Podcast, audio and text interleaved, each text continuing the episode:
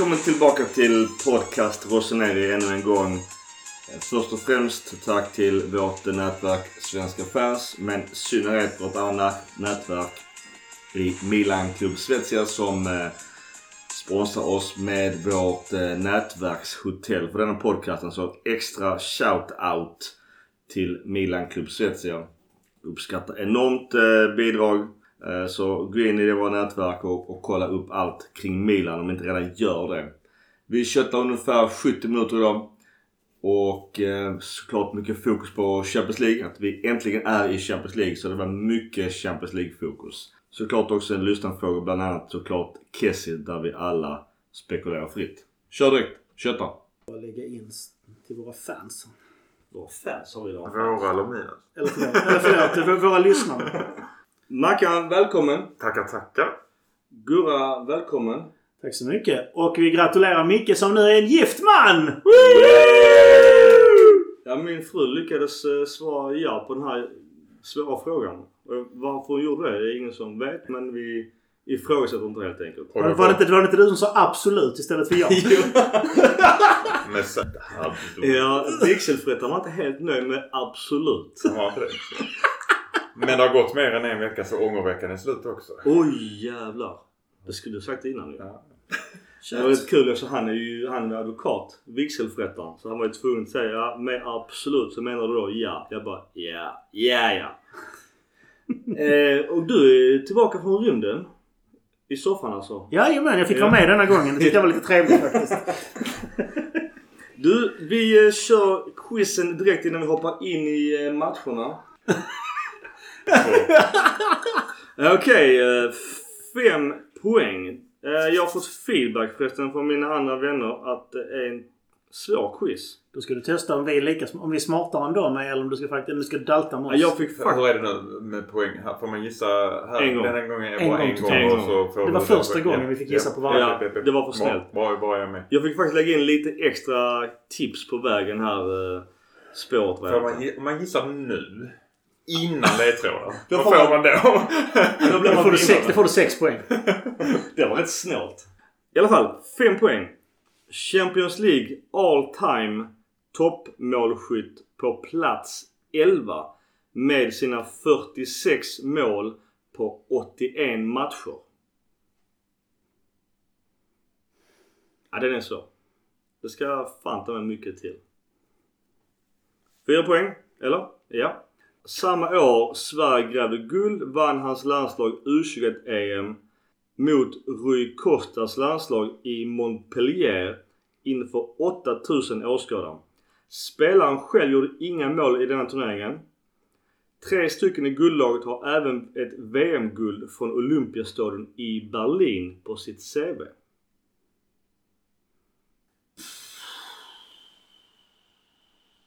Tre poäng.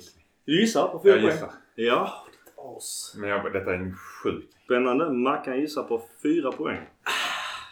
Lite Håll nu, nu, nu för mobilen på Gurra. Ja, ja, ja. Nej, jag tittar inte. Mackan har gissat. Då går vi vidare på Det är tre en poäng. sjuk chansning. Ja, tre poäng. Sammanlagd transfersumma är strax under 500 miljoner kronor för denna bror med sina 624 matcher och 14 titlar i sin karriär. Så tyvärr Mackan, du, förstått- du förstod att det inte det var rätt tyvärr på det svaret. kan jag spekulera högt men kanske inte ska göra för vad Ja, det får du gärna göra. Mackan har ju gissat. Jag tänkte mest om folk vill göra det på... Ja, okej. ja, det är sant. Du får hålla käften.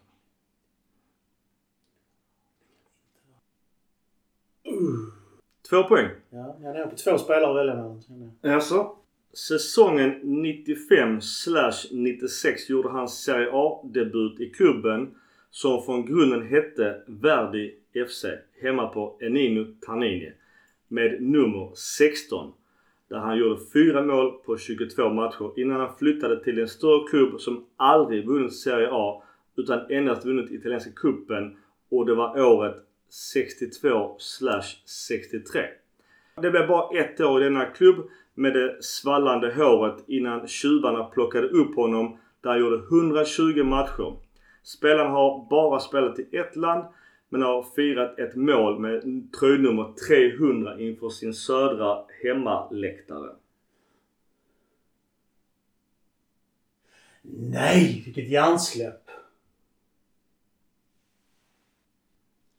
För i helvete. Gurra har svar på två poäng. Du får faktiskt förklara ditt, ditt svar sen. Ja, jag har antagligen missat någonting. Det var bara precis det. Du lär väl du vet nu. Jag tror det. Du har koll på ja, Ta det är. ettan sen jag har fått hjärnsläpp. Nummer... En poäng. Nummer 9 anfallare avslutade karriären i samma klubb han började i som ungdomsspelare. I denna klubb hade han sina största framgångar med bland annat två Champions League-titlar varav han även tränade säsongen 14-15 innan han fick gå. Idag ser vi denna underbara anfallare på bänken i Brescia som föddes offside enligt Alex Ferguson. Okej, jag, jag skjut mig och nu vet jag vem det är. Ja, det vet vem det är. Pippo Inzaghi. Jag visste det när du sa bror. Då förstod jag det. Ja, Alltså, nej, jag, jag, vänta på tre poäng hade du satt den. jag fick hjärnsläpp om vilka som vann VM så jag var inne på tyska. Jag tänkte vad i helvete? Fick inte ihop någonting. Ja, ja totalt hjärnsläpp. Ja. Jag chansar på att jag skulle komma ifatt här. Ja, det var dumt. frisk fråga. Det Ja, men det vem chansar du? Jag chansar på Totti. Det gjorde jag också där. Ja. Två poäng. Men, Men, du, det, det transfervärdet där kan ju, måste ju vara noll. ja, Ja, det är sant. för han har inte lämnat Nej, precis. Nej. Fantastisk kille i Totti men det var Filippo Inzaghi som är... Som är ännu mer fantastisk. Ja. Jag kommer aldrig glömma när han spelade just i, hos tjuvarna eller zebrorna eller vad man vill kalla dem, Epo-killarna. När eh, DLP hade haft sån enorm torka så kommer de två ensamma och eh, Inzaghi skjuter mål själv fast DLP har helt öppet mål. Alla bara sa ingen vill jubla med Inzaghi och han som vanligt jublar som det vore VM-guld. som vanligt. Och alla bara fan ge DLP bollen. Han tog mål på så här 40 matcher. Jag såg hans sista Serie A-match på plats i Milano. Fan mäktigt. Han fick ju göra mål när vi vann i en betydelselös match. Men Men det var nummer 300. ja, när han vann... Alltså, han gjorde mål i sista matchen han spelade Ja. hemma. Men det var väl då han firade med nummer 300? Jag tror det var det. För det var hans... Det var inte så Man- lätt att se från läktaren. ja, det finns ju fantastiska Jag bilder stod på. inte på Kovasuk. Du, du blev inte utskälld av en gammal tant som min kompis blev. Nej. Jag berättade om den Roberto Baggio. Nej. En kompis till mig. Han, han tycker inte om fotboll. Men han har blivit bjuden på matcher både på Maracana och sen var han då i Italien blev han bjuden på Roberto Baggios avslutningsmatch. Och han skiter i fotboll. Varför får sådana människor sådana matcher? Jag Men det har du sagt tror jag. Har jag det? Ja, det har ja okej. jag klipp den då. Ja men jag vill du köra Ja, vidare? jag kan köra den igen. Mm. Nej men då satt han där och han fattar ingenting. Och, när, och så helt plötsligt vänder sig en äldre tant om på säkert 90 plus och börjar skälla ut honom på italienska för att han inte visar tillräckligt mycket känslor i en sån här viktig match som Roberto Baggios avskedsmatch. Ja, han har, de har en poäng. Det var ju som när jag såg just eh, derbyt när jag var, det var något år sedan nu. Nu pratar jag ju såklart svenska men de runt mig fattade att eh, mina gester och mitt tonfall var ju inte så jättepositivt. Vi förlorade ju mot Inter såklart ju, så de bara It's okay, the sun will go up tomorrow. Jag bara We will see, we will see. Nog om, eh, om matcher.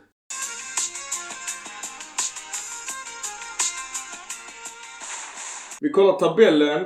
Den är rätt vacker faktiskt. Vi har tre segrar tillsammans med eh, Napoli och Roma. Eh, Mourinho har faktiskt börjat bra. Eh, Vår kompis El Sharawi gjorde ett drömmål i 93 annars hade väl lätt serien. Det var lite, lite snöpligt.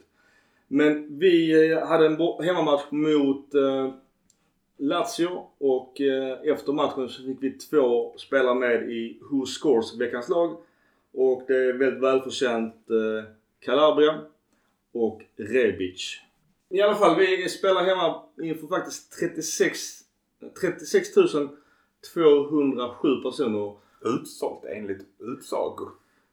50 Det känns dumt att säga det på... Ja. Det känns dumt att säga att det är utsålt. 50 procent. Uh, Chiffy dömer. Rebic gör två assist, the man of the match på Who Scored. Men eh, Milans egna hemsida så är det faktiskt Tonali som blir uh, enligt fansens vote. som man of the match. Spontant Mackan, vad, vad säger du om eh, matchen? Kessis straffmiss och överlag? Otroligt stabil seger. Eh, Vi gav inte Lazio en chans. 2-0 skulle du säga, men det vet ju alla. Ja. Tycker väl lite synd om Kessie där. Det var otroligt väl fintad straff men lite för mycket fot under bollen. Igen i virket. Vi hade väl en 25 i virket förra säsongen. Det är svårt att säga att Rebic inte var bland de bättre på planen i alla fall med tanke på de två assisterna han gjorde. Mm.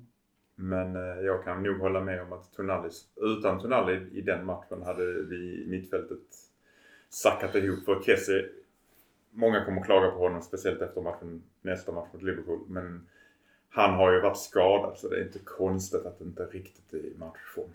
Och kom direkt ifrån eh, OS.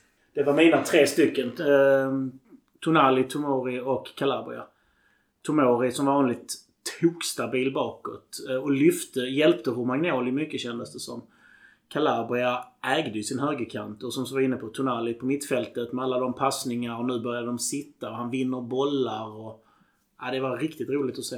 Just Calabria, återigen, jag vet inte varför han fortfarande får skit men den gamla Champions League-vinnaren i Pedro var ju helt borttagen. Han var ju helt slut. Ja. Men just det här med Tonali. Jag förstår att, att vi som fans röstar på honom för vi vill ju också att han ska utvecklas och bli den här Gerard, nya, nya Pirlo, kalla vad du vill.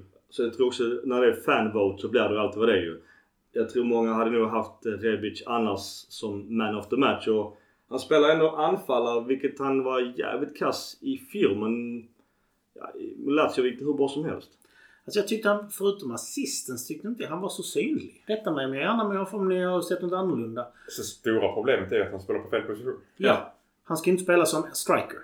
I denna matchen, han gjorde ju ändå sina eh, patenterade eh, löpningar tvärs över plan som ställde många, eller gjorde, frigjorde lägen. Men du har ju rätt. Han syns ju inte som striker. Det är inte där han syns. Nej.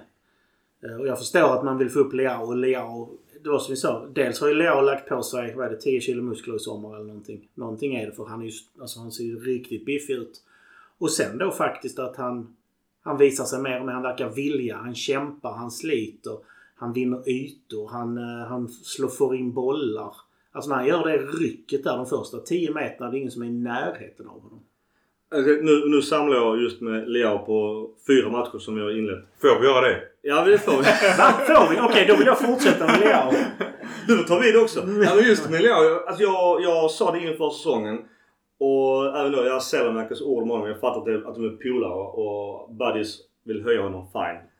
Men jag tycker ändå att man ser en helt annan inställningsförändring på Leao. Att han har förstått detta är allvar. Detta är kanske min make or break säsong. Gör gör jag lika loja insatser som många i fjol. Ja men då blir det kanske Brescia nästa år. Nu ser man att han har en helt annan inställning. För det som jag säger. Hans klipp på första 10, jag vet inte vad han gör på 60 meter, men hans första 10. Det är ingen som hänger med. Så jag tror inte Theo hänger med på hans första 10. Den en, nej precis. För en av de få som faktiskt som har samma snabbhet. Det var en vi mötte i Liverpool-matchen och det var ju Mané. Och Ja. har också samma klipp i steget de första 10 meterna. Men eh, en som faktiskt blev avslöjad där, och det som jag sagt innan, när det blir tuffare motstånd så försvinner DS. Mot de här mellan och bottenlagen, då, då kan han vara hur bra som helst. Men sen när det kommer in Lazio, alltså Liverpool och så vidare. Visst, nu gjorde han ju mål, men jag tyckte inte han syntes så mycket. Han blev utbytt i 80 Mm. vi, kan, vi måste också eh, gratulera Bakayoko för att han är tillbaka. Eller önska honom välkommen. Han kunde ju fått rött eh, direkt. Hans insats var ju lite som när vi hade Biglia på plan. Att det var ju katastrof. Så jag hoppas att han gör sex kassa matcher som sist och sen växer in i laget och blir vår bästa spelare stort sett. Precis, han behöver komma in i spelet och få lite förtroende. Sen så tror jag han kommer att vara riktigt bra igen. Ja, det var nästan tur att han blev skadad för den matchens skull. Alltså det lät fel. Men alltså att han istället för att få ett rött kort och försvinna ur matchen så fick han, han Ja. skadad och vi fick in Benazer. Han bad om ursäkt i media efteråt. Både för insatsen och att det var snöpligt att bli utbytt på grund av skada. Han, han var ju inte inne jättelänge. Vi får ju tillägga här att där har det ju kommit ganska tydliga... Milan har lagt in klagomål på Lazio-fansen som eh, Ja, gjorde nazistiskt. Och det är klart att det kan påverka honom också. Det är, det är sjukt att alltså just Lazio som har det ryktet sedan tidigare. Att de har ju jävligt tveksamma åsikter på, på läktaren och Alltså 2021 och hålla på med den rasismen på läktarna. Ja. Men alltså jag är bara lite nyfiken. eh, Behöver Lazio-publiken någon form av glasögon? För matchen startades med Leao, Kessie, Tomori, Majan. De missade att de är, är, är liksom mörkare än vad Bakayoko är. Men när han kom in, då kom rasistgrejerna. Men jag, jag vet inte om det handlar om... Visst, det var ju i och för sig också Kessie för något år också, sedan. men han- Esviden har de riktat emot Kessie i denna matchen. också. Ja men just den här tröjan när Kessie och Bakayoko håller Acelbis tröja eh, mot Kurvasy för något år sedan. Att håna Acelbi. Jävligt oskönt gjort. Men det är ju all rättfärdigar ändå aldrig deras, deras rasistiska glåpord på läktaren. Det, det är liksom Ja. fett när bara. Om vi går tillbaka till vinsten 2-0. Har vi någonting att klaga på? Är det någon, någon moln på himlen? Eh, Jag tycker det är att Diaz försvinner mot svårt svårare motstånd. Det tycker jag är ett problem. Han gick ut i 80 Såg ni honom under matchen i princip? Jag tyckte han var väldigt bortplockad och osynlig. Vi kan säga att eh, just Lazio har då SMS, eh, Lucas Leiva och Alberto på mitten. Eh, vet inte... Det är bra men jag vet inte, jag håller med. Alltså Diaz... Men om, om hans yta blir markerad då måste han ju söka annan yta, visa. Jag, jag känner bara att han försvinner när motståndet blir över medelnivå. Jag säger inte emot. Gjorde ju mål mot Juventus i slutmatcherna i fjol. Nej men absolut, men han får en gnistra till. Men det är inte de här äga ytan. Nej, han är för liten för det tycker jag också. Men jag tror att han passar... Hans roll blir tydligare när han har en riktig striker framför sig. Ja. Han kommer att vara bättre med, med Zlatan eller eh, Euro framför sig. Och på tal om Zlatan, han blev inbytt utan ens knappt hinner knyta sina skosnören och göra mål. Balotelli kom också in och backade upp som vi sa och Sälenmäkers. Vad har vi att säga om Zlatan som tyvärr blev skadad? eh, Vilket också märks mot Liverpool. Vad har vi att säga om hans insats? Så- Såg ni sparken så typ som var tre meter upp i luften? Sinnessjukt. Han är 40. Han kör sin taekwondo ninja grej. Jo tack, det märktes. Det ser jäkligt enkelt ut men han tajmar löpningen perfekt. Mm. Det är inte många, många som gör det så bra som han gör där. Sen kan jag tycka att eh, försvaret från Acerbi och Felipe är ju inte bra. Uh, alltså Rebic kan ju inte göra mycket när han är så pass långt ute med, fel fot. Inget ont om Rebic. Alltså inspelet är ju magiskt men försvarsspelet är ju inte bra från Acerbi som är en landslagsman och Felipe borde, de borde ha bättre koll på det. En Zlatan i, i straffområdet. Men Zlatan, det som du är inne på, Zlatan tar ju inte ett steg fel när han är på löper.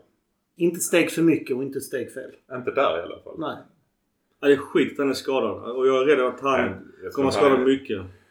Är inte skadad, det var en inflammation i en muskel. Ja. Så Not eh. Förhoppningsvis. Det kan bli så när man kommer tillbaka från skada, kommer in i matchträning direkt. Det är en sån reaktion så varar den någon vecka och sen så br- brukar det vara bra. Ja, det vet ju du som är sjukmupp Micke. Men... men, men äh, enligt. Han kvalificerar sig inte som sjuksköterska. Vår, vårt nätverk säger ju att han är borta även mot Juventus i helgen och det är ju inte bra. Dock är ju Giroud, han är ju tillbaka och det såg mot Liverpool. Men Zlatan spelar ju inte mot eh, Juventus, tyvärr. Enligt rapporterna. Nej, alltså har vi tur så kan han komma in och göra ett inhopp eller liknande. Alltså det är ju den nog vi får, det är nog vårt hopp om vi pratar Juve-matchen. Om, om vi tar Zlatan i sig. Jävligt svår fråga men nu nu har ju spelat fyra matcher bara. Tre i ligan. Vilka förhoppningar kan vi ha på Zlatan denna säsongen? Starta var femte till sjunde match kanske. Och göra inhopp i hälften av de andra. Och det är en lyssnarfråga. Just det här med Zlatan. Vad, vad kan vi förvänta oss? Man Alltså jag tror ju tanken kanske någonstans är att han ska få spela Champions League framförallt. han ska Sen vinna Champions sen League. att han... eh, Sen att han fick speltid mot Lazio är ju för att han skulle komma i matchform inför Champions League. Han vill ju vinna Champions League men enligt eh, en annan sida så har Milan 2% chans att vinna den. Jag säger faktiskt inte emot. Nej, Malmö har mindre än 1%. Säger inte emot här heller. Även om jag anser Milans chanser mer än tre gånger större än Malmös förvisso. Vi, vi tar Champions League eh, sen. eh, vi kanske gör ett, Vi kanske krånglar oss vidare i gruppen och gör ett monster januari-fönster. Ta in tre, för man får ersätta tre spelare, så ta in tre världsklass, världsklass på tre positioner. Men då, kanske. jo, men får de byta från Champions League-klubb till Ja, Champions det League? får Det de. får man inte. Ah, okej. Bra. Tre spelare. Du får registrera tre nya spelare som inte varit registrerade innan. Oavsett om de har spelat eller ej. Spännande. Mm. Okej, så Zlatan, vi, vi, vi, inga större förhoppningar. Eh, någonstans kan han göra en 15 matcher kanske. Det är väl där vi får lägga vår förhoppning. Kan han då göra 15 mål kanske på dem? Eh, Alltså det är inte omöjligt. Nej. Han, han Han har redan gjort ett Ja, igen i, ett poäng. i, i en tredjedelsmatch. Ja. Det kommer ett vilt tips. Jag tror aldrig han kommer ha så bra eh, mål, målsnitt per spelad matchminut som någonsin som han har efter denna säsong. Jag sa att också man får lägga straffarna. Eftersom Kessie brände sin straff. Men Zlatan brände väl ett par förra säsongen? Ja. På tal om Kessie också, vi skjuter in lyssnarfrågor. Eh, Det är fortsatt nervöst på alla Milan håll och kanter. Vad, vad säger vi om Kessie nu? Nu är han under lupp och det kommer liksom roliga bilder med honom i stora arbetarskor för att han inte fått tillbaka träbenen och får kritik. Det tycker jag är helt felaktigt. Kritiken mot honom baserat på två matcher där han har precis kommit tillbaka från skada. Jag tyckte inte det var... Nu hoppar jag in på Liverpool-matchen men det har du redan med så därför känner jag ingen. Nej men just mot Liverpool-matchen var ju han verkligen inte ensam om att göra fel pass eller ta fel beslut. Han var däremot fruktansvärt bra som är vanligt på att hålla boll jämfört med många andra i laget. Vinna boll, hålla boll. Ja. Det är faktiskt en Liverpool-match som faktiskt är bra för att det var ingen match vi skulle vinna. Det kan vi aldrig ställa krav på. Och då ge Kessie den matchtiden just för att komma in i det igen, det är klockrent. Hitta matchformen och så vidare.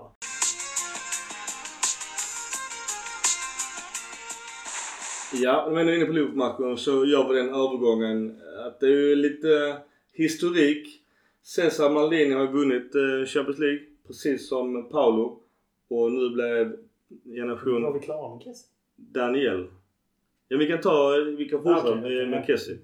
Daniel Malini kom in. Alltså det, det känns ju, alltså han har kommit in förr och senare men det känns som en plågrej. Nej, jag tyckte faktiskt att han, han gjorde inte bort sig. Han tog för sig. Han vann väl ett par, han vann bollen vid något tillfälle och slog en bra passning. Han gjorde precis vad som man kan förvänta sig av en ung spelare som kommer in, får lite speltid, känner på verkligheten. Det är kul att se att han fortsätter utvecklas. Jag tror, tycker fortfarande att han borde lånas ut till en bottenklubb i Serie A för att få speltid. Han är bitig men ja, vad säger du man kan... Ja, det har ju aldrig... Det är väl första gången. Tre generationer. Spela Ja. Champions League. Jag tyckte inte heller han gjorde bort sig det lilla han fick eh, speltid igår. Igår ja. Mot Liverpool får vi väl tillägga. Ja. Det var väl inte så mycket att välja på. Vi skulle göra offensiva byten i den situationen heller. Alltså, det var ju en freakshow att vi ens ledde i halv... Väldigt, vä- alltså väldigt roligt naturligtvis men det var helt ologiskt. På sätt och vis ologiskt men Liverpool tog ju inte sina chanser i första. De borde ha lett med 4-0. Vi kan ju Vi säga fick två chanser och gjorde två mål. Ja men precis. Alltså det ja, där... ja. Och det är skitkul. Magnon. Han gjorde ju en... eh, Ja, vilken grym match han Ja, gjorde. jag satt och kollade på engelsk TV för att se uh, Liverpool och Milan. Och England har alltid uttalat som väldigt annorlunda. Jag minns ju hur svårt man får säga Pirlo och sånt där och Gattuso. Men, men det känns som Magnon, eh, jag, jag kommer nu säga Mike i fortsättningen för det är så jävla många olika uttal på honom. Jag vet att... Eh, Jag är mest du, Kim- att du inte kallar honom för Maggan som hade något ställe. Ja men just eh, Källström som har bott i Frankrike och spelat där många år i studion hade ett helt annat uttal på hans efternamn. Så att jag säger Mike eh, framöver. Men tänkte, om vi går tillbaks till Kessie där vi var någonstans. Vad, vad har vi, om vi klumpar hans, nu är det inte många insatser men han är på luppen. Det kommer många lyssnarfrågor just vad fan händer med Kessie? Vi vet ju såklart inte svaret men har vi någon spekulation kring det? Alltså vi har fortfarande vår bästa spelare, bästa spelare från förra säsongen. Ja, de har inte kommit över nytt kontrakt. Milan har skrivit kontrakt med honom som sträcker sig till denna säsongen. Att då bänka honom och inte utnyttja honom, det är ju helt vansinne med tanke på det läget vi ligger i. Alltså vi måste utnyttja spelaren. Vi har ett kontrakt. Han kommer att hedra det säsongen ut. Det är rätt tydligt. Milan måste också hedra det. Jag tycker absolut han ska spela. Man ska fortsätta förhandla kontrakt med honom. Går det inte? Nej, trist. Men han har ju gjort vad han ska och det känns inte som han skiter i det direkt. Mackan? Nej, jag håller med. Det är ju tjänstefel att inte spela honom. Med tanke på hur bra han var i fjol. De som skyller eventuella kontraktsbråk på Maldini vet nog inte riktigt vem det är som bestämmer och håller i plånboken i Milan. För då tror de att Milan ägs av Maldini. Mm. Jag tror inte Maldini vill bli av med, med Kessie. Men han har ju sina förhållningsregler. Han får inte erbjuda mer lön. Nej. Pioli har ju gått ut och sagt att jag vill såklart att han stannar. Det säger ju alla som håller på Milan såklart. Och som ni är inne på. Också en viktig sak att säga när det kommer till just Maldini och Massara. De har ju sitt tak. Kessies agent vet ju säkerligen om detta för han pushar ju till taket. Och frågan är, jag vet taket. De kan erbjuda Zlatan så mycket pengar. De kunde erbjuda pizzabagarens grabb så mycket pengar. Det vet ju alla idag ju. Så att det är bara så men du ger oss den här summan annars kommer vi pusha eller dra för att det är ett år kvar. Och det är hopplöst. Det är som jag sa i så många avsnitt. Det krävs ju två för tango. Om, om inte Kessie skulle vilja stanna. Ja men vad ska då Malini göra? Eller i de andra två fallen. Det finns ingenting att göra. Vad, vad ska vi göra? Erbjuda narkotika och horor? Det hjälper inte. För att eh, pengar verkar inte vara intressant. Han heter inte Maradona eller vad sa du? Nej men alltså värsta, värsta scenariot är att han, vi släpper honom gratis efter säsongen. Eh, Men hedrar vi alla kontrakten så har ju ingen gjort något fel. Nej. Man kan inte kräva dumlojalitet av alla. Han är här för att göra ett jobb. Sen att han gillar att göra jobbet i Milan, det, det framgår rätt tydligt. Men han är inte livegen. Och det är tyvärr det som man ser i mycket av snacken. Att nej men ett år kvar, han vill inte skriva kontrakt. Bänka honom, sätter honom i reservlaget. Det är inte så världen funkar. Eller den här kommentaren. Men vad fan, ge honom eh, 10 miljoner extra. Ja, det är ju lätt att säga när man sitter och snackar om någon annans pengar. Ja såklart. Och det är ju inte så kul om man ger löner och sen hamnar i problem med Financial Fair Play och ändå inte får spela Champions League på grund av att du inte har hedrat det. Det ska jag också säga just med, med Gazidis och, och vi såklart hoppas på god rehab med hans eh, med sjukdom. Men han har ju fått rätt på ekonomin också. Och det är ju mycket för att det har inte varit de här Galliani-värvningarna. Som har varit gamla, dyra och kostsamma. Eh, vi, ska ju inte, vi har redan haft ett avsnitt där vi, där vi totalt sänkte Mirabelli och Fasone och deras struktur. Vi satt ju i flera år med den jävla lönebudgeten och den pissiga transfern de gjorde. Malin var såhär, bara så ledsen grabbar. Trolla lite med knäna. Och, och där är vi idag. Men de här spelarna, Teo, också redan börjat snacka om, om City, PSG etc.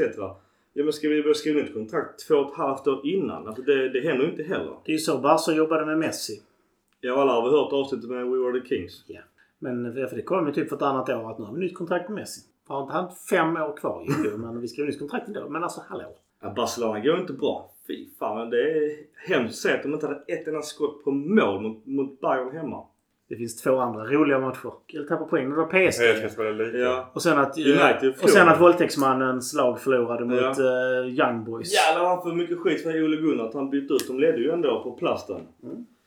Att spela på plast med, i Champions League borde fan inte vara okej. Att spela på plast borde inte vara okej. Punkt. Jag kan tycka Umeå uppåt, fine. Ja, absolut. Men söder om det. Jag, jag brukar säga söder om Sundsvall behövs det inte. Ja. Liksom. Nu Kan kommer vi långt ifrån det. Kan man spela på gräs på Island? ja. Exakt. Du, vi går tillbaks till Liverpool-matchen. Det blev ett jävla sidospår. Kessie. Ja, Men Kessie jag var- inne på den. Hade du något kontrakt eh, på honom? För det kan vi kanske klippa då. Ja. Eller i alla fall vad vi, vad vi vet idag. Mm, vi ska För det se. har varit mycket rykten i, med i, i alla fall i sociala medier att eh, Mirabelli och Fasone gjorde gav kontrakt som där lönen stegrades. Som Det, fin, det finns Ja. ingen registrerad automatisk pengahöjning på Kessie per efter varje säsong. Eh, och det borde vara registrerat vid det här laget. Han, däremot har han ju naturligtvis som så många andra. Han har en bonus om han spelar matcher. Han har bonus om han sitter på bänken utöver sitt då stora kontrakt. Har du summan också? Eh, ungefär 15 000 euro per match han spelar. Ja. Och eh, ungefär 3500 euro per match han sitter på bänken. Utöver då lönen ungefär 4 miljoner per år. Netto. Eller brutto? Brutto. Brutto. 2,4 någonting ungefär. sånt. Ja. Jag, jag pratar alltid brutto när jag har de Ja, siffrorna. fair enough. När vi nu pratar kontrakt. Eh, Men det är fan klart. Tjänar du bara 2,5 miljoner euro så ska du ju ha 15 000 euro för att du är med i matchen. Ja. Ja, För det är ju precis. för lite pengar. Ja, hur, ska, hur skulle man annars ha råd att betala hyran? Nej, alltså du måste vara motiverad. Jo men Ja. som då, eh, ja men Scaroni och Maldini, Massara och eh, Ivan. De hade ju inga problem med att dubbla hans lön. Och det har vi också hört, eller, eller läst, vad man vill tolka det. Att Milan har liksom gått med på agentens alla önskemål. Men att han... Hela tiden trygga dig. Ja, alltså lite så vad fan ska vi göra? Och förr sen blir det ju en, en deadline. Bara som en, här har du den här summan på bordet. Skriv på annars så får vi, eh, ja vi har ju Bakayoko. Finns det en möjlighet, alltså om det inte har eh, skrivits nytt kontrakt i januari och det finns en möjlighet att tjäna lite pengar på honom. Beroende på hur situationen ser ut så är du, kan det vara läge att sälja honom då för att få in en, en liten peng. Sen kan jag i och för sig köpa Kessis argument lite grann. När vi har en som Romagnoli som tjänar alltså en och en halv gång mer än vad han gör.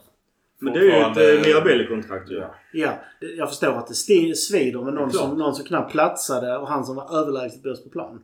Och det har ju kommit ut nu. Eh, kontraktet. Har du koll på det? Men, Alltså jag vet ju inte, det är också bara rykten att, han, att Romagnolis kontrakt också skulle innehålla eh, stegringar av lön. Har han inte förnyat det sedan november så har han ingen sån. Men han ligger på sex, ungefär 6,5 miljoner euro om året. Men. Han är också kapten. Mm, det kan finnas andra klausuler. Ja. Visst, Romagnoli. Jag, vet, jag tycker folk stör sig ganska mycket på honom. Han var inte bra i fjol. Men han är en av de få spelarna som har varit bra de senaste fem åren. men jag tror lite eh, också det här med lön. Att han sitter så mycket på bänken. Av förklarliga skäl rent sportsligt. Men att det, om nu stämmer att det finns en stegring. Då kanske också det väldigt tydligt innebär att det var därför så svårt att kränga honom i somras. Har du den lönen och inte den kapaciteten och han inte vill byta ner sig. Det är klart att han stannar kvar i Milan. Och sen. Och så kan han få högre lön i, när han går gratis till, Ja. till sin älsklingsklubb Lazio. För de behöver ju en back Exakt. uppenbarligen. Ja, men det var lite det jag sa också i vårt sommaravsnitt. Att jag hoppas någonstans på att man kunde gjort en bytesaffär med, med Lazio. Nu, nu tog ju Inter tyvärr Korea som hade varit eh, bra för oss. SMS. Ja, sms, ja, då blir det pengar emellan. Och jag vet inte hur vi ska, var vi ska spela sms i och för sig. Men eh, Eh, ut med, eh, vad heter det, Diaz. ja, ha som AMC. Mhm. Ja, vi går tillbaka till Champions League. Det var ju också lite biljettdividerande. Milan fick faktiskt backa biljettpriserna. Eh, De hade faktiskt förklaring på just Liverpool som vi mötte att deras biljettpriser var jag vet inte hur många gånger högre. Eh, Men det blev ett jävla liv nere i Milano. så Ja, de det, det är inte bara biljettpriserna. Det är att de, eh, de fick sälja ut hela arenan. De kunde ta in 50 000. Jo men, Ja men det var ramaskri Ja, i bland. Milan-fansen för att Jaha, Milans okej. biljetter var dyra tyckte de. Ja. Ja, ja, Så de fick ju backa biljettpriserna för att... eh, Ja, alltså visst de kan bara ta in 50% men det var fortfarande Champions League-biljettpriser. Ja, ja. Så Milan tyckte att det här är väl fair ni får se toppfotboll. Jag tror Gazidis var där och Ja, tyckte att nu ska vi få in lite pengar. Såklart, och det, såklart. på något sätt har han en poäng. Sen är ju arenan för sliten för att kanske ta ut det lika mycket som ett nyrenoverat, vad heter den? Anfield. Anfield, tack. Men någonstans måste vi ändå komma ihåg att vi ska tjäna pengar på, vår, på det också. Det, det är ju inte... Det, vi ska kanske inte ta hutlösa priser i dagsläget. Men Alltid svårt för det sen jag jobbar inom hockeyn att när, bara för att det är någon match så att man då ska ta ut ockerpriser av gästande supportrar. Jag, jag har väldigt svårt för det. Då är, det, då är det i så fall bättre liksom att göra en generell grej och ha borta supporterna på varandras arenor för att man gör en avtal på det redan innan. Att man snackar, okej våra bortasupportrar, vad, vad kommer, kan en biljett kosta? Bra, då gäller det hela linjen. För det här som vissa klubbar håller på med och i alla sporter, alla kategorier, det är rent svineri. Just Bayern gjorde ju en, hade en banderoll på Nou Camp. Med just, då satt de ju upp i någon jävla hörna 3 kilometer från plan i stort sett och hade någon banderoll att billigaste biljettprisen var det här. Jag vet att om vi pratar Champions League och Malmö. Jag tycker i och för sig att de tog för lite pengar för, för deras biljettpaket när jag har sett Champions League i Malmö. Men just återigen till Malmö. Deras bortasektion har de alltid haft ståplatspriser på. För att de är att det är ingen som sitter på bortan då och bara så pang, när vi kör borta ståpriser. Och det tycker jag är fair. Alltså någonstans titta på det. För det, det är också som de menar på Bayern då i, i Barcelona. Fotbollen är ju för oss människor på, alltså jag ska inte säga golvet, för det finns ju olika samhällsklasser. Men det är inte bara de här jävla superrika kostymkillarna. En rolig anekdot från det var när jag jobbade med Färjestads bortaresor för bortasupportrarna. Då chockhöjde Frölunda i något slutspel eller vad det var. Varpå då eh, Lars Glennert i, i Färjestad sa nej men det är bra. Mellanskillnaden mellan vad vi tar för bortasupportrar och det de tar. Det lägger vi på bortasupportrarnas biljetter här i Karlstad. Så att våra ökade priser i Göteborg betalades av gästande supportrar från Göteborg. Mm. Så det blev ett vansinnes ramaskri inom Frölunda vilket innebär att de tvingades backa. Det Saken är, för nu blir det en lång story. Jag tänkte att det var så 10 sekunders notis. Men Milan har backat på Champions League biljettpriserna och det tycker jag är bra. Jag, jag, jag, jag har sett olika nivåer av matcher på San Siro och jag kan tycka någonstans att Frisinone eller vad fan de heter kostade 22 euro och min biljett till derbyt kostade vad fan min kusin gav det till mig, min kära kusin. Men jag tror, 100 någonting. jag tror det kostade 190 euro. Ja. Någonstans mellan 150 och 200 euro. Och då pratade vi, vi pratade ring 2 så det var ju inte heller uppe i luften som stackars Bayern München. Det var där vi satt va? Ring 2? Ja, var Ja, Mm. jag brukar alltid titta på ring 2. Okej, jävlar vi kommer långt från Liverpool nu. Uh, Liverpool-matchen. Vi förlorar med eh, 3-2 mot Klopp. Hans 4-3-3. Det är en polack som dömer i Marcininik. Han delade ut en straff. och Jag tyckte vad fan hände där? Men den är ju ganska klar. Ja. Får vi säga. Och någonstans första 20 är ju Liverpool helt överlägsna. Vi får ju inte låna bollen ens. Och lite kul för du Gurra håller ju på båda lagen så att nu får vi lite grilla dig. Då får du vara den objektiva från båda sidorna. Var, varför var Liverpool så mycket bättre? Eller är de alltid så här bra? Problemet Liverpool kommer inte upp i nivå och det märktes. Problemet med Liverpool är att det är trötta spelare som... Finns ingen rotationsmöjlighet. Rotationen som gjordes var mot... Är inte det måste. Pratar du om problem redan? ja. Såg du matchen? De utklassade oss i första Ja, ja, ja, ja, men för att vara Liverpool. Problemet för Liverpool i denna matchen att det var någonting som inte stämde. Det är ju att Liverpool har van Dijk. Och Gomes fick gå in där istället. Gomes har inte spelat en match på år och dag. Och Keita samma sak. Har inte spelat. Mané saknades från början. Ingen... Eh, alltså det, det, det var en väldig obalans. Och Liverpools trupp är inte vana vid att rotera. Det händer i princip aldrig. Den stora grejen här är att en av eh, ja, världens bästa defensiva mittfältare spelar i Liverpool. Och det är Fabinho. Ni såg ju själv. Det, det gick inte att komma förbi honom. Och eh, sen så satte de ju sina chanser. De, det fanns ett passningsspel, det fanns en grund, två väldigt bra ytterbackar. Och det är den här stabiliteten på A-spelarna som jag tyckte Milan inte, är inte riktigt där. Salah gör ju mål när han får chansen. Det är, det är bara att inse. Dock inte från straffpunkten i denna matchen. Henderson sätter ett sånt skott var varannan säsong. Men man kan, man kan inte ge få låta honom stå och prickskjuta. Vi kan gå tillbaks till målen sen. Men först målet är ett självmål, det jävla otur. Men jag tycker på just Salas mål. Står Mike lite passiv eh, på hälarna där? För jag, jag tänkte att han skulle springa ut och boxa där. Som att ta med sig Salah gärna i smällen. Eftersom Salah är så nära i bollbanan så tokrusar han där så hade räckt med att Salah hade bara touchat den så hade han gått förbi honom. Han måste avvakta och hoppas att Salah inte får den träffen han får. Jag, många trodde att det var offside men tyvärr just Calabria upphäver offside. Till och med Salah trodde att det var offside. ja, han, ja, alltså, han, han var ju knappt fira för att det, det kändes suspekt. Men jag tänkte, det går ju så... Visst, nu är jag inte målvakt och det, det går ju såklart jävligt fort. Men den bågen över vår backlinje, det är lite pinsamt i sig. Men jag tänkte fan, borde inte Mike hinna boxa den? Alltså, Salah, det som jag säger, Salah är så nära bollen hela vägen liksom. Så att, nej, det, är svår, det är bland de svåraste bollar du kan ha som målvakt. Mackan, vad säger du om, om eh, målen vi får i nacken här? Så jag har sagt vad med tanke på hur matchbilden ser ut, framförallt i första, så är jag glad att det inte var fler mål i nacken. Mike, om vi nu ska kalla honom det, har ju väldigt lite att göra på mål 1. För den touchar ju på Ja, Tomori. Och det är absolut inget negativt om Tomori. Han försöker blocka där helt enkelt. Han måste göra vad han ska liksom. Så det är inte så. Men hade inte Tomori fått en touch på den så hade Mike tagit den. Straffen, det är, ja, det är en ganska dålig straff om, ska, om vi ska vara ärliga. Det är smart att lägga den mitt i mål men du ska lägga den högre då. Det är en dubbelräddning som är grym. Precis. Den är ju alltså Mike gjorde det bra. Så det får vi inte ta bort från honom Nej. heller. Det stora problemet för Milans del är att vi har antingen om det är dåligt självförtroende i så här stora sammanhang. Vi är inte vana vid 50 000 på läktaren. Bortaplan. Dessutom så sitter de extremt nära. Man sitter extremt nära planen. Jag vet inte om ni tänker på det om man jämför med när man tittar i Serie A. Det- Mycket närmare Premier League. Du får ju mer direktkontakt med fans. Det är ju hela vallgrav på San Siro. Precis. Ni, hör, ni hörde vad Theo, vad han fick höra när han gick ut och skulle lägga ett inkast. Eller vad. De hängde in tio stycken och vrålade Mm. grejer åt honom. Jag tror att vi var tagna av stundens allvar. Vi har... Hur? Räkna upp hur många som spelat Champions League-fotboll i i startelvan, Micke. Kjär? Har Benassi gjort det för Arsenal? Nej. Jag tror det är Kjär. Diaz, Real. Jag tror bara det är Kjär.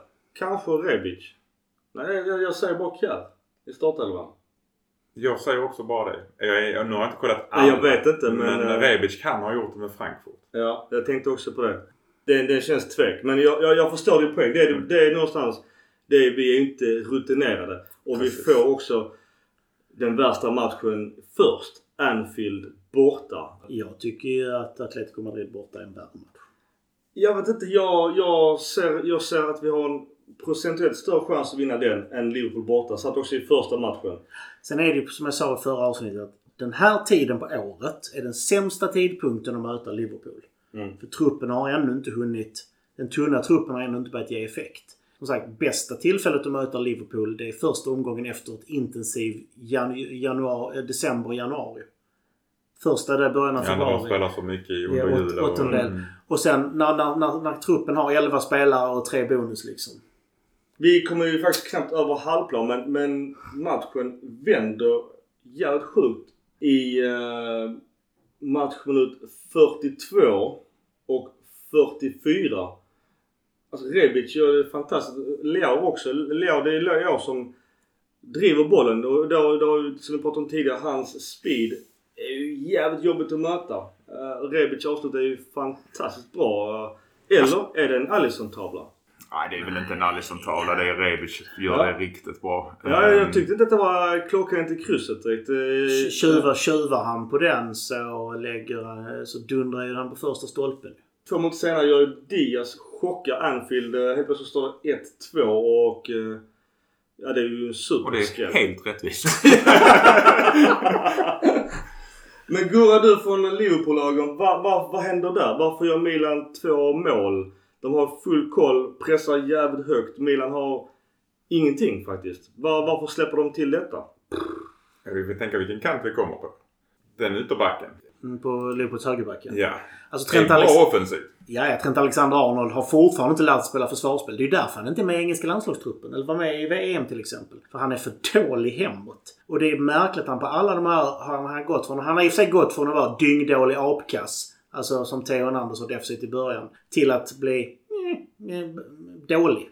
Har han avancerat till. Men försvarsarbete klarar han inte av. Sen är det ju så beroende på hur mittfältet nu, nu ser den här märklig ut men Keita var ute på den kanten också och Keita har inte mycket koll på läget. Keita har knappt spelat de senaste säsongerna. Han, är, han kan vara bra om han får mycket matchtid men han, han är väldigt svag. Framförallt defensivt tyvärr. Alltså han ska ju ligga offensivt, alltså lite Benazer-rollen, ligga lite högre upp, pressa, hitta, hitta positioner. Att vi kom igenom där med Leaos snabbhet, det är ett tecken på att vi gjorde läxan i, den, i, den, i det tillfället. Sen märktes det ju att spelarna hade ju inte gjort sin läxa med hur man ska gå.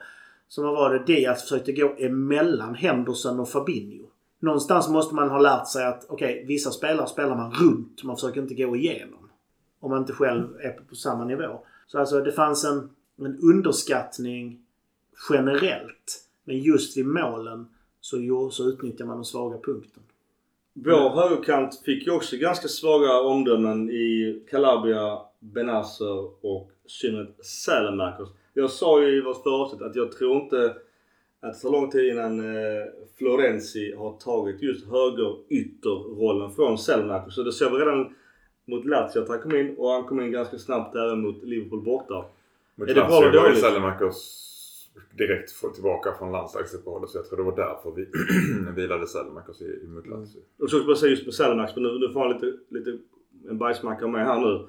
Men han har ju nu spelat i världens bästa landslag, det vill säga Belgien, gjort, gjort bra insatser i det. Så att han, Mål och assist. Mål och assist, så det är svårt att klaga på honom. Däremot så gjorde Nej, han en nej, nej. dålig insats mot eh, Liverpool. Det är inte alls svårt att klaga på honom för han presterar i klubblaget för där har han inte varit bra. Däremot har han varit bra i landslaget. Mm. Och det är trist att han inte kan ha samma nivå. Handlar det om medspelare? Handlar det om spelsystem? Det är för någon annan att reda ut. Men hans prestation i klubblaget är under all kritik. Just nu ja. Det är just nu. Och det som jag sa, Florenzi Han, kom han in. kan springa i alla fall mycket. Jag vet. Ja men det, ja, och det är väl bra. Men, men det, hjälper, det händer ingenting. Alltså man såg att han, han var, ju- stod där och var kaxig som vanligt vi, när vi hade vänt på steken. Men lika fort andra halvlek så var vi tillbaks och hade 2-2 och då, då känns det som det hängde i luften. Sen just Benazer blev också utbytt. eh, en svag insats. Deras 3 mål, nu gör Henderson det jävligt bra. Men vi, det, vi ska ha en gubbe i det slottet. Och sen att Benazer nickar. Alltså var, var, varför nickar man det hållet? Alltså det är helt bisarrt. Vem fan nickar defensivt snett bakåt? Det är precis... Inåt Ja det är, det är så vansinnigt dålig nick av Benazer. Han kan nicka där precis var som helst utom just där. För där står Henderson också sjukt nog omarkerad. Sen gör han det bra. Men det är så jävla dåligt av Benazir där. Jag tycker faktiskt eh, generellt sett var, jag tror att det var nervositet för att vi gjorde otroligt många felpass. Och utan att vara pressade dessutom. Sen märkte man en hastighetsskillnad kände jag. När Liverpool väl ställde om och vände så gick det något löjligt fort. Det var inte ta emot, titta upp utan det var pang pang. Och där är det jag pratade om innan, skillnaden mellan ligorna. Från mottagning till 40 pass går det mycket snabbare i Premier League än vad det gör i Serie A. Du har inte samma tid. Vi hade inte möjlighet till det heller för de pressar så stenhårt. Ja. Nej, men det är, det. det är just det. Du har Eh, inte... Och vi hade ju ingen press. Nej. I de första 20-25 minuterna pressade vi inte överhuvudtaget. Jag Jag måste... tycker det är fel att säga att vår defens, alltså backlinjen var dålig. För det var den inte. Problemet var att vårt mittfält satt i knäna Mm. på, på backlinjen. Det kan jag också säga någonstans när vi pratade tidigare med Lazio-matchen och Giroud uh, gick helt coronafrisk. Vi hade ingen att slå upp bollen till. Alltså Rebic gjorde sjukt bra mot Lazio men det är ju ingen target på för fem år. Hade vi haft Zlatan eller Giroud från start så kan vi slå upp den på dem så får ju laget andas och komma upp. Nu hade vi ju ingen chans. Alltså, vet, och visst, jag ska inte ta någonting från Liverpool. De var mycket bättre. De vann välförtjänt. De pressade oss sjukt högt. Men när vi inte har en uppspelspunkt så blir det jävligt svårt. Så att också när vår defensiva fyrkant sitter som sagt i knät på, på Mike. Alltså, vad, vad ska han göra? Han har ingenstans att kasta upp bollen till ens. Ja, Det märktes ju tydligt också med utspelen från målvakt. Vi kom ju inte någonstans. Och där var, sköt han långt så försvann bollen direkt för det var ingen, där var ingen Zlatan eller Euro som kunde suga in den. Det jag måste säga i denna matchen var att det var ju inte enkelt att heta Theo Hernandez. Nej, nej. Men han gjorde ändå det defensivt helt okej. För att vara Theo Hernandez. alltså att ha Salah och ja, Henderson kanske inte men Alexander Arnold på sin kant. Mm. Det är inte enkelt. Och så har du, nu har ju Leao börjat försvara. Men han har ju inte jättemycket hjälp alltid av honom i försvarsspel. Det är inte den här matchen vi ska vinna. Nej. Den här, det var som jag sa i förra. Vi ska vara glada om vi kan få med oss oavgjort i den här matchen. Jag skrev ju i vår interna chatt att jag nästan, jag förstår att alla kommer att acceptera det och det är vår första Champions League-match på 10 år. Men jag hade hellre... halvt. Ja, Om jag får med. ja, men jag menar på jag hade nästan sett att vi nästan lagt oss på vi har råd att förlora den här matchen och vi har Juventus på söndag. Om vi nu ska tänka på hur Malmö FF har det också. Vad är viktigast? Att göra ett mål i Champions League eller vinna Allsvenskan? Ja. Att bli topp 4 i Serie A eller att gå vidare från gruppen Mm. I Champions League. Vad är Så- viktigast? Sen måste man ju ta så många poäng som möjligt så man har bäst så man får mer rankingpoäng så att man slipper kanske bli dy få en dynglottning nästa, år också. För jag menar fortsätter vi, alltså även om vi går dit varje år men tar vi noll poäng varje år, dels får vi inga prispengar och missar allt det. Men vi får heller inga fler rankingpoäng. Det roliga är att just Juventus är helt kaxiga för både Milan och Inter förlorade sina matcher i Champions League. Medan äh, Juventus vann borta mot Malmö. Det är ju ingen jättestor skalp för Juventus. De ska ju slå Malmö 10 av 10. kan ju inte jämföra borta mot Nej, alltså, Liverpool eller även om, även om Inter spelar hemma så spelar de mot Real Madrid. Ja, alltså det är också jävligt konstigt. Om, om Milan möter Liverpool borta så ändå så är Juventus-fansen kaxiga och hånar Inter och Milan för att de förlorade två extremt tuffa bortamatcher. Bara som what the fuck. Jag vill nu be om ursäkt till våra lyssnare för Mickes megalomani gällande Malmö FF men vi försöker övertyga om att Malmö FF är inte världens bästa klubb. Så. Men jag, däremot på tal om var ju just ja, kopplingen eh, säger jag nu, nu är det Atalanta tog också poäng men Men Kim Källström tycker jag är ändå jävligt klipsk och han sa just det här med, med Juventus. Alltså spelmässigt under 90 minuter var de inte överlägsna Malmö. Men det är lite det du var inne på också just med Liverpool. Att det kan gå och se lite lojt ut. Har de laget i, i halv till brygga. Men sen när det väl händer. Då händer det så jävla fort. Och då är inte de med. Bara nu, pang lägger vi in femman, turbo och så kör vi. Och då händer det grejer så jävla mycket. Och så var det mot Milan och även då mot MFF eh, kvällen innan. Att när det väl händer så händer det så jävla fort. Och då är man inte med på det. Då står man nästan på hälarna. Alltså rent krasst, hade jag varit tränare i Juventus så hade jag inte heller talat sagt till dem att gå in och liksom spring så ni blöder mot Malmö FF. Ni ska vinna ändå. Och de har Milan på söndag. De, Allegri vet att de, de har... Alltså att se just nu Serie A-tabellen och titta på Juventus är ju fantastiskt. Det har bara gått tre matcher. Tycker de är ett poäng för mycket. Ja, men, men däremot de har ju full koll på att det är Milan på söndag kväll. De sparar ju matchen till dess. Sen är det gott att säga att de tror att de kan ersätta Ronaldo och allt vad han kallas med eh, Moises Keane. För att han kommer ju inte vara en 20 mål målskytt för dem. Det tror jag absolut inte. Den där ska vi komma ihåg. ja, gör det. Jag tror inte på att, att Keane gör 20 mål för Juventus. Fast nu kanske damlaget slipper ha eh, tystnadsplikt. Kanske det. Ja.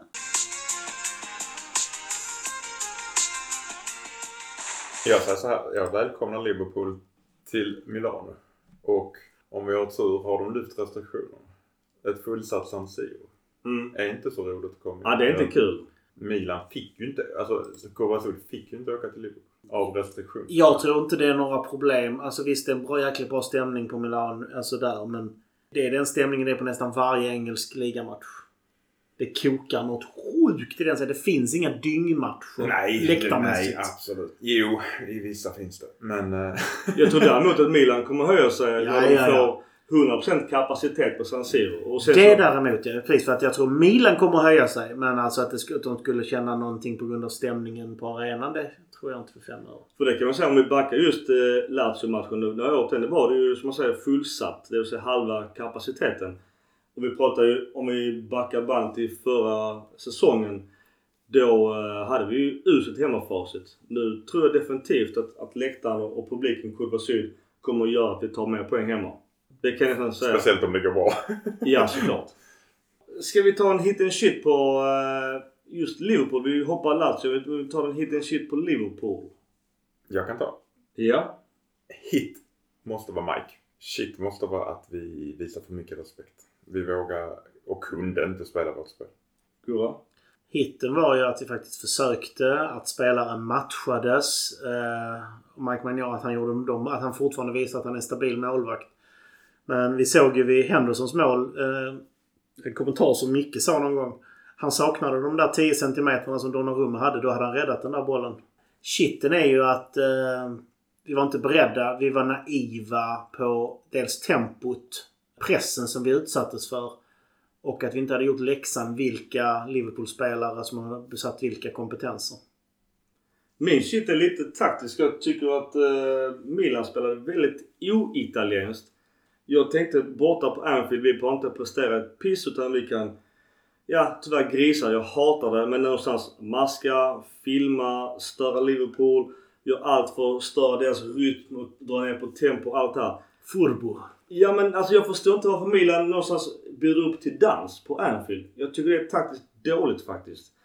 Shit, eh, eller hitten då. Det är ju ändå någonstans att matchen lever faktiskt. Det trodde jag inte på förhand. Uh, vår, vårt kontringsspel där visar sig ändå hålla, jag ska inte säga världsklass men, men vi gör två fantastiska konstmål på Anfield och eh, det kan vi ändå ta med oss. Definitivt. Ja, lite synd att vi inte fick in 3-1 målet i precis Ja. i början. Det var snyggt gjort. Det är ju offside. Sopa Ja, offside. Men fan ja, alltså tänk. Det hade varit jobbigt på Anfield då. Det hade varit eh, kanske lite, som man säger, publiken ställt emot det. Jag vet inte hur det är på Anfield. Nej, det kanske inte funkar så. Nej, det är skönt att höra. Men det hade varit intressant att se dem i gungning på ett helt annat sätt. För de fick ju 2-2 väldigt tidigt. Jag måste ha en kommentar på din kommentar om att Donnarumma kanske hade tagit det. Men om PSG... Vilket, vilket var Mickes här, kommentar. om PSG Förra hade, avsnittet. om PSG hade mött Liverpool hade Donnarumma inte tagit den för han hade suttit på bänk. Exakt. Ja, jo, jo, men nu pratar om, om i Milan. Eller om Michael var 10 cm längre. Ja. Jag ville bara påpeka att Donnarumma sitter på bänken. Det var det jag ville få fram. Ja, för, för, det är för, lite för, för rykten att han, att han bara skulle stå i Champions League sköts ju rätt bra i sank igår när uh, Kyle Navas stod. Men du, man kan skrev i vår chatt att han har stått en match för Han stod Paris. eh, 4-0 vinsten mot något Änga-gäng som man aldrig har hört talas om Ja, innan. för jag tänkte så, jag, jag frågar bara så, vad är det kuppen? För jag har aldrig hört talas om det pisslaget. Nej. Eller förlåt, det är fotbollslaget. Clermont Foot. Japp. Det låter inte som ett uh, Champions League-lag. What? Det är synd bara att han höll nollan ändå. Men hur var det? Portugal hade gått om franska ligan? Jaså? Eller hur var det? Jag tror att eh, de är rankade högre nu, Portugal. Ja, fan. Okej, men vi, vi lämnar Liverpool då.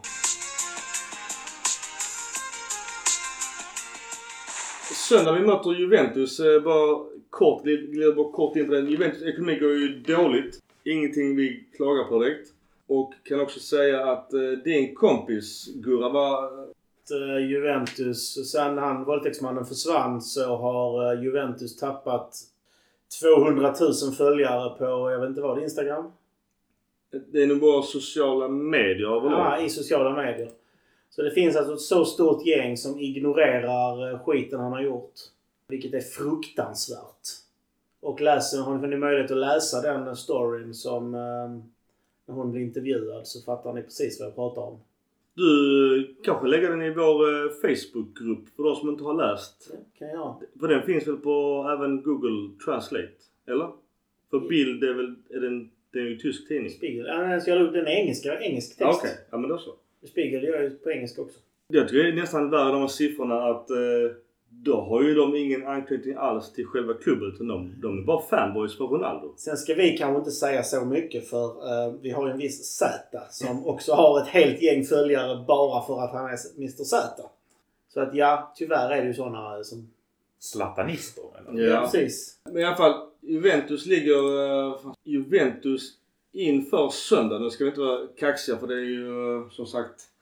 Tre matcher Tre. Alltså, alltså jag, jag måste bara säga hur vackert detta är. Micke tar fram alltså från text-tv sidan 330. Klassiskt. Det är jag och Svonko. Vi kör text-tv. Ja, alltså, det, det, Det är nostalgi. jag, jag mår bra av att se det Micke. Det är bra jobbat, bra jobbat. Det är det enda som är bra med public service. Det är deras text-tv. 300, 330 och framåt. Ja exakt, magi. Till saken är då, då har vi ju vår tabell eh, och Juventus parkerar på 16 plats med en poäng och 3-5 i målskillnad. Och vi är på andra plats med tre segrar, 7-1 i målskillnad och 9 poäng. Yes. Jag tänkte annars att vi går, om vi går tillbaks till Champions League för det, vi är ju mera nu äntligen. Jag och Mackan trodde aldrig när vi började podda med att vi skulle prata Champions League. Vi är numera även en Champions League-podcast. Så givetvis måste vi prata Champions League. Atletico Madrid, Porto 0-0. Är det bra eller dåligt eller är det skitsamma för vårt Milan? Det beror på vad vi siktar på. Siktar vi på att gå vidare eh, i Champions League så är det jättebra. Hade vi nöjt oss med att gå vidare till Euroleague så är det dåligt. Då hade vi velat att Atletico Madrid vann. Satsa på matcherna mot Porto, gå till Euroleague. En fegis vinner aldrig liksom så att det är klart som katter att vi ska satsa på att gå vidare i Champions League och då är det ett skitbra resultat. Man kan ha åsikter gruppen och kan säga att vi möter just Madrid Atletico den 28 september redan. Hemma. Ja, vi har rätt många matcher på kort tid. Sju matcher på schema. 21 dagar ifrån Lazio. Vi behöver eh, vår truppbredd nu. Speciellt med tanke på att vi har redan har ganska många skador. Och nya spelare som inte är fit för att spela. Jag hå- håller med Gurra där. Vi ska ju gå för att gå vidare för gruppen. Något annat finns inte. Jag, jag kan säga så här. Hellre fyra i gruppen än trea i gruppen. Jaså? Nej, oh vad mycket pengar vi missar. Ja, men då blir det ett moment mitt i veckan i vår som förstör eventuellt topp 4-placering. För Men- det är en matcher som inte någon bryr sig. Men vi, vi ska Men ha en trupp. Vi ska ha en trupp som ska kunna konkurrera i ett Euroleague också. Ja, jag vet. Så Detta att- försökte jag hävda hela jävla säsongen i fjol. Men det var ingen av er som lyssnade på mig och sa skit i, Ja, Europa. ja, ja, skit jag Du får gärna Ja. säga Micke till Micke alltså. Ja, jag Ja, du också. Du tyckte Du, inte heller med. Du lyssnade igenom. Ja, ja men, men det det. var Manchester. Då var det redan F. Och då hade vi inte truppen. Men nu ska vi ju ha truppen. Det är det jag menar. Vi har en väldig skillnad på truppbredderna i fjol och i år. Något bredare. Ja. Något mer Något kvalitet. bredare. Ja. Men Framförallt sen när Messias och alla de här kommer in i det också. Och det börjar liksom, vi börjar säga att vi faktiskt har en bredd i truppen. Jag gissade på fem poäng. Jag, och jag tror inte att det räcker jättelångt. Eh, Jag, hade, jag kan säga på förhand om vi blir trea i den här gruppen och sen respass direkt till Euroleague. Det får vi se. Återigen till lottningen. Men jag är nöjd om vi blir trea. Alltså de här två lagen Liverpool och Atletico Madrid är så jävla bra. Jag är lätt att bli hemmablind men de här lagen har spelat Champions League jag vet inte hur många år i rad och har trupperna för det. Du säger det kan vara annat Gurra just med Liverpool. Men de är ju alltid med i slutspelet. Alltid. Ja, ja. Och rent krasst är det så att även om vi går till Euroleague Och, och då kommer vi från Champions League. Då får vi möta dynglagen. Alltså de som blev tvåa i sina grupper eller trea i sina grupper. Alltså de som precis tog sig vidare. Har vi tur får vi något riktigt alltså bonkargäng där. Och det innebär att de två segrarna som vi kan ta i den omgången ger oss mycket rankingpoäng till nästa år. Om vi då kommer fyra i ligan och det innebär att vi kan, kanske blir tredjesidade. Och då kan vi ta sex gratispoäng mot något... Jag började säga Young Boys skrattande. Nej men alltså ni förstår vad jag menar. Så alltså de här... Det är viktigt att alltid fokusera. Och jag ser som sagt därför ser jag mycket hellre en tredjeplats än en fjärdeplats. För det kan ge sådana följdeffekter över ett, två, ett, två, tre, fyra, fem års tid. Rätta mig om jag fel, men gick inte alla våra lag i gruppen till kvartfinal i Champions League i fjol? Jo. Så att vår grupp är riktigt svår. Det är det vill jag säga. Att, att bli trea är fan bra. Men jag håller med såklart både dig Gurra och Mackan att det är klart att vi siktar på 1 och 2. För min del någonstans kan vi, alltså varje poäng genererar så pass mycket pengar. Och även nu kanske med även restriktioner lyfts i Italien helt och vi kan ha 100% på San Siro. Även om man backar tillbaks biljettpriserna. Det är så jävla mycket pengar in till klubben. Mm. Ett fullsatt San Siro. Nu är ju fortfarande delar av Ring 3 pinsamt nog eh, ja, alltså avstängda. Men det är fortfarande så sjukt mycket pengar. Annars utifrån Serie A, just som vi pratade innan med Inter förlorar mot eh, Real Madrid väldigt sent eh, i, eh, hemma. Det är väl ganska mycket. rapporter jag har läst så var ju Inter betydligt bättre. Jag tror inte mycket på Real Madrid i år. De har tappat väldigt mycket. Och Vi har nämnt Juventus så att de vann mot, eh, mot Malmö borta. Atalanta, Villarreal. 2-2 borta i Spanien. Det är fan nog stabilt av Atalanta. Ja, och två, och två i gruppen efter Young Boys.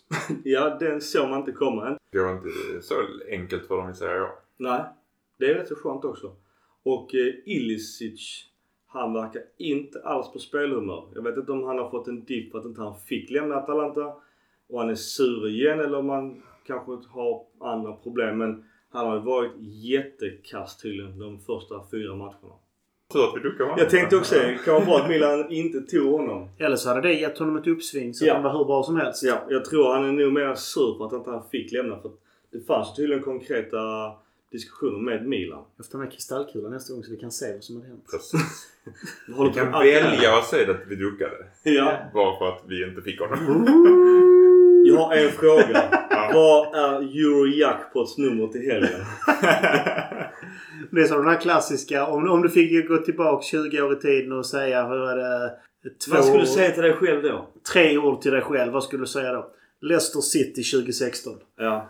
Så. Det finns inga högre odds att få på engelska. Eller, eller livebetta på kryss mellan Milan-Liverpool 25 när det står 3-0 i halvlek. Att matchen slutar 3-3. Ja. Det är nu rätt mycket odds den också. Ja. Men det var någon sa att de oddsen tror jag var 15 000 gånger pengar. För Leicester höll på att åka ur året innan. Ja. Alltså det var helt bisarrt. Det skulle inte gå. Det var ju någon som hade bettat. De köpte ut honom till slut så han inte fick ut sitt monster. eh, Jaså? De erbjöd honom när det var fem omgångar kvar så erbjöd att han skulle fått ut en miljon pund. Mm. Då erbjöd de ja men du får 100 000. Ah, 100 000 garanterat eller riska. Ja, fan jobbigt. Och sen så kom de ner 100, jag tror han så- sålde för 150 000 när det var tre eller fyra omgångar kvar. För han själv sa jag orkar inte med den mentala påfrestningen. Nej, nej. Fy fan vad jobbigt. Ja. Annars lyssnarfråga. Vårt vita ställ mot Liverpool. Vad ger vi det för betyg eller omdöme? Jag sa såhär. Kommentatorn igår. Han sa inte att det var det vita stället utan i det ljusa stället. För att jag vet inte fan om det är vitt. Ja, det känns lite Men såhär... är det inte lite sånt eh, rö- rödspräckligt i Nej, det? Nej, det känns sådär eh, ci- cigarettvitt. Ja, precis. Så Så det är ju Italien. som- sönderrökt eh, vitt. Gul bländ. Ja, Känns exakt. Ja men det var nog vitt innan materialaren la upp dem. Vi avslutar med en, ja, en hit and shit allmänt Milan. Jag kan börja. Eh, shit. Eh, jag kan säga Kessis kontrakt igen för det sa jag sist. Jag tänker, vad fan ska jag ta på shiten? Man ska tänka så högt så att du ligger mellan Norden får jag fan tänka på. Jag kan köra då. Jag, jag, jag kör du hit and shit Eh, sen. Shitten är att Zlatan blir skadad eller om han är borta. är Vad det nu handlar om. I alla fall att han är borta. När vi behöver honom. Och Jag lägger på plus shiten att Jero fick förbannade covid-19 mitt i alltihop också. Men nu måste väl alla ha haft det i truppen hoppas jag? Ja men du kan ju Eller- få det igen. Du kan ju vara vaccinerad och få det. Det är inte så att du är immun mot det. Heja Danmark!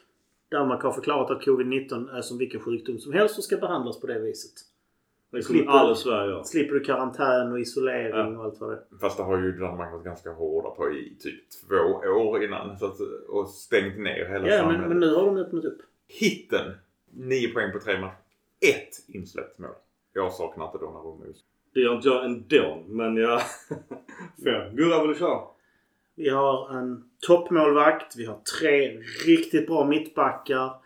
Vi har fyra eller fem riktigt bra centrala mittfältare. Och vi har Giroud på topp. Där är den stora hitten. Uh, shitten är ju att uh, Zlatan har gått sönder och att vår, alltså framförallt vår högerkant inte har kommit igång än. Men som sagt 9 poäng på tre matcher och en respektabel insats i Champions League. Det är också en liten bonushit. Jag Så är- Micke, Mickes hjärnsläpp har gått över. Ja, vi får men jag måste ta upp den bollen igen här med, med Salamakers. För jag tänkte ändå som jag sa också i något av avsnitten sen tidigare att den här säsongen han är ett år äldre. Han har ett år i ryggen i Serie A. Han eh, bor fast i landslaget. Han gör bra insatser i landslaget. Men, och han har själv sagt att han ska börja producera poäng även i Milan. Nu har ju bara gått fyra matcher. Vi har honom under lupp. Jag tycker någonstans, ja det är lättare att poäng, poängtera. Ja men eh, högeryttern, det, det är svagt. Men jag trodde faktiskt att han skulle steppa upp denna säsongen. Han har förtroende från Pioli men han har inte gjort det än. Så att han är under min lupp. Så det är min shit att hans utveckling inte har gått det som jag hade hoppats på. Hitten, vi har varit inne på innan, 9 poäng på tre matcher. Det är eh, precis så det ska vara och just matchen mot Lazio hade vi lekstuga. Alltså att 2-0 var ett resultat i underkant. Det kunde vara närmare mycket mer än att de var nära på att göra mål. De, var, de var inte ens nära att göra mål. Som vi är inne på, en bra defensiv. Den, den sitter där. Just nu så det ser bra ut inför Juventus. Jag tror inte att den här förlusten mot Liverpool mentalt eller moraliskt kommer dippa så mycket. Jag hoppas inte på det i alla fall. Jag ska ge en bonushit. Calabria har växt som spelare enormt mycket. Jag är inte ett dugg nervös för högerkanten. Så att vi stoppar in honom bland, bland men, ja, men det är väl fram i centrallinjen. Men högerbacken är också en av våra starkaste positioner. Tänk på Calabria också. För han är bandagerad överallt tycker jag när man ser honom. Jag gillar det. Det var ju också han den spelaren. Han bara kör. Ja. Ja, det är en tuffing Calabria. Precis som du är inne på. Det, det är nog en spelare som kommer kunna spela i... Alltså, hur gammal är han? 20? 25. Ja, 15-20 år till liksom. Bara på rent jäkla pannben. Men det trodde jag också om Abate. Egen produkt, högerback. Kom upp tidigt, kom ut alltså, tidigt och tog bort Ronaldo. Men sen så gick det inte så som man hoppats på. Men jag tror Calabria har mer pannben än Abate. Mm. Abate är ju bräcklig jämförelse. Calabria är ju en stridsvagn. Eller Abate är även ungdomstränare Milan. Det måste vi ändå, har vi sagt Mm, det? nej, det? Ja, Det är lite kul. Han är ju dessutom otroligt bra vän med, med Zlatan. Ja. Sen tiden förra sessionen han spelade. Inte Maxwell han, men... Det är inte riktigt så bra kanske. Calabria är 24 år. Han är född december. Han blev väl 25 då. Jag har en liten eh, extra hit och det är att vi närmar oss 50 000 Nederländerna. Det måste vi fan mig ge oss själva en Fler cred än för. det var på San Siro när det var utsålt. Exakt. Så tack till alla lyssnare. Forza Milan. Som Och som är